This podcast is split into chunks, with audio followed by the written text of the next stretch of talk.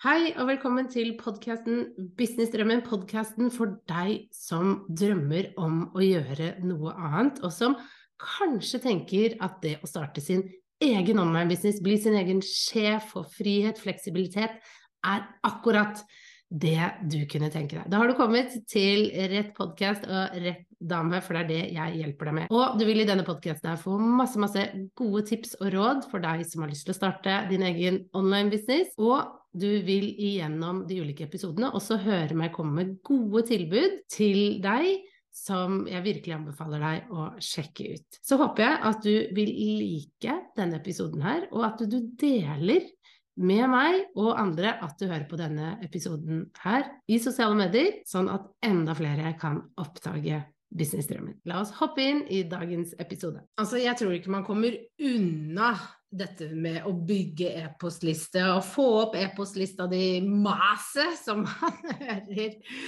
når man starter en egen business. Og ja, det, jeg sier maset, og jeg mener ikke at det er masete, men jeg tror for mange kan det oppleves litt som hvorfor maser folk om den jævla e-postlista hele tiden? Er det så viktig? Ikke sant? Enda en ting jeg må lære meg, og enda en ting jeg må gjøre. Og i denne episoden her så har jeg bare lyst til å dele med deg hvorfor denne e-postlista er så viktig, og hvordan du da kan komme i gang med å bygge din egen e-postliste. For tingen er det. E-postliste.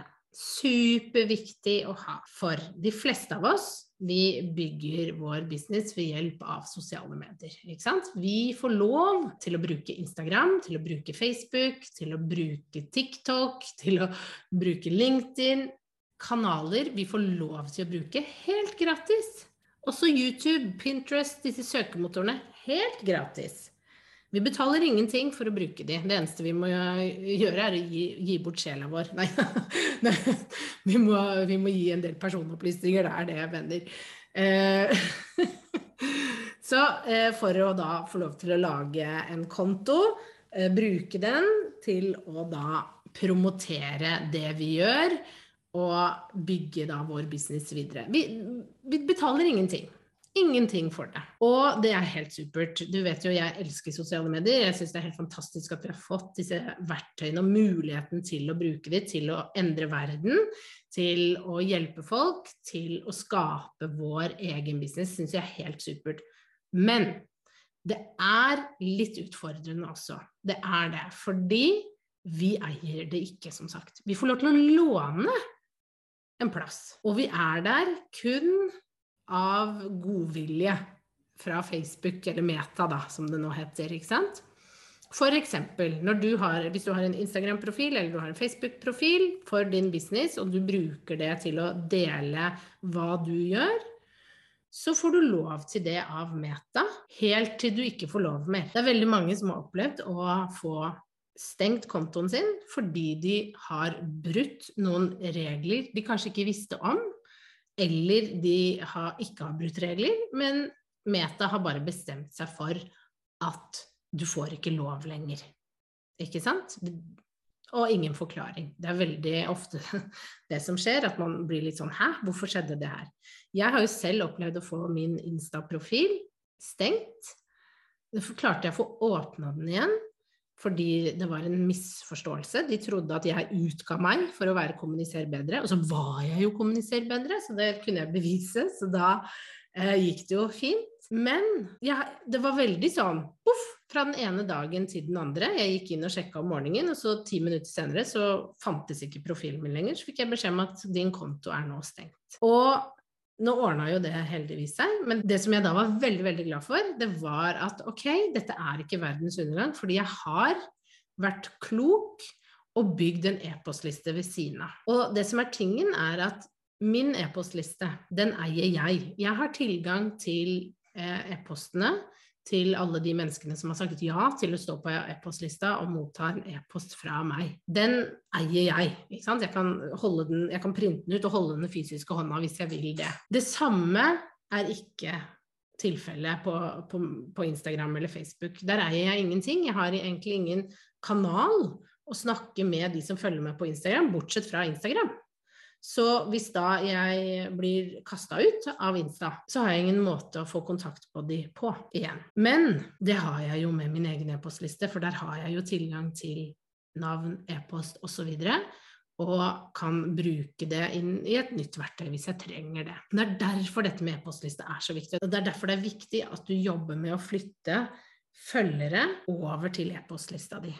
Og det gjør vi jo ved at vi tilbyr noe gratis, ikke sant. Hvis du går og ser på min Instagram-profil og klikker på linken i, i, bioen der eller i profilen der, så vil du se at det er masse gratis kurs du kan ta, workshop du kan være med på osv. Hvor alt jeg ber om er at du legger inn navn og e-post, sånn at jeg kan sende det til deg. Og det gjør jeg jo for å bygge liste, sånn at jeg kan fortsette å sende deg gode tips og råd. Og jeg kan hjelpe deg med det du trenger, og jeg kan også selge deg det jeg har sånn at du kan få enda mer hjelp, og sånn at jeg kan bygge businessen min enda større. Ikke sant? Vinn-vinn. Og det er superviktig at du også gjør. For du kan ikke belage deg på disse kanalene som du bare låner. Det er utrolig sårbart, og det er utrolig skummelt å gjøre det. For som sagt, jeg gikk inn om morgenen, og så fem-ti minutter senere så var kontoen min stengt. Og da hadde jeg ingen måte å snakke med de følgerne på. Heldigvis så var jo veldig mange av de eh, på e-postlista mi, så jeg kunne snakke med de der.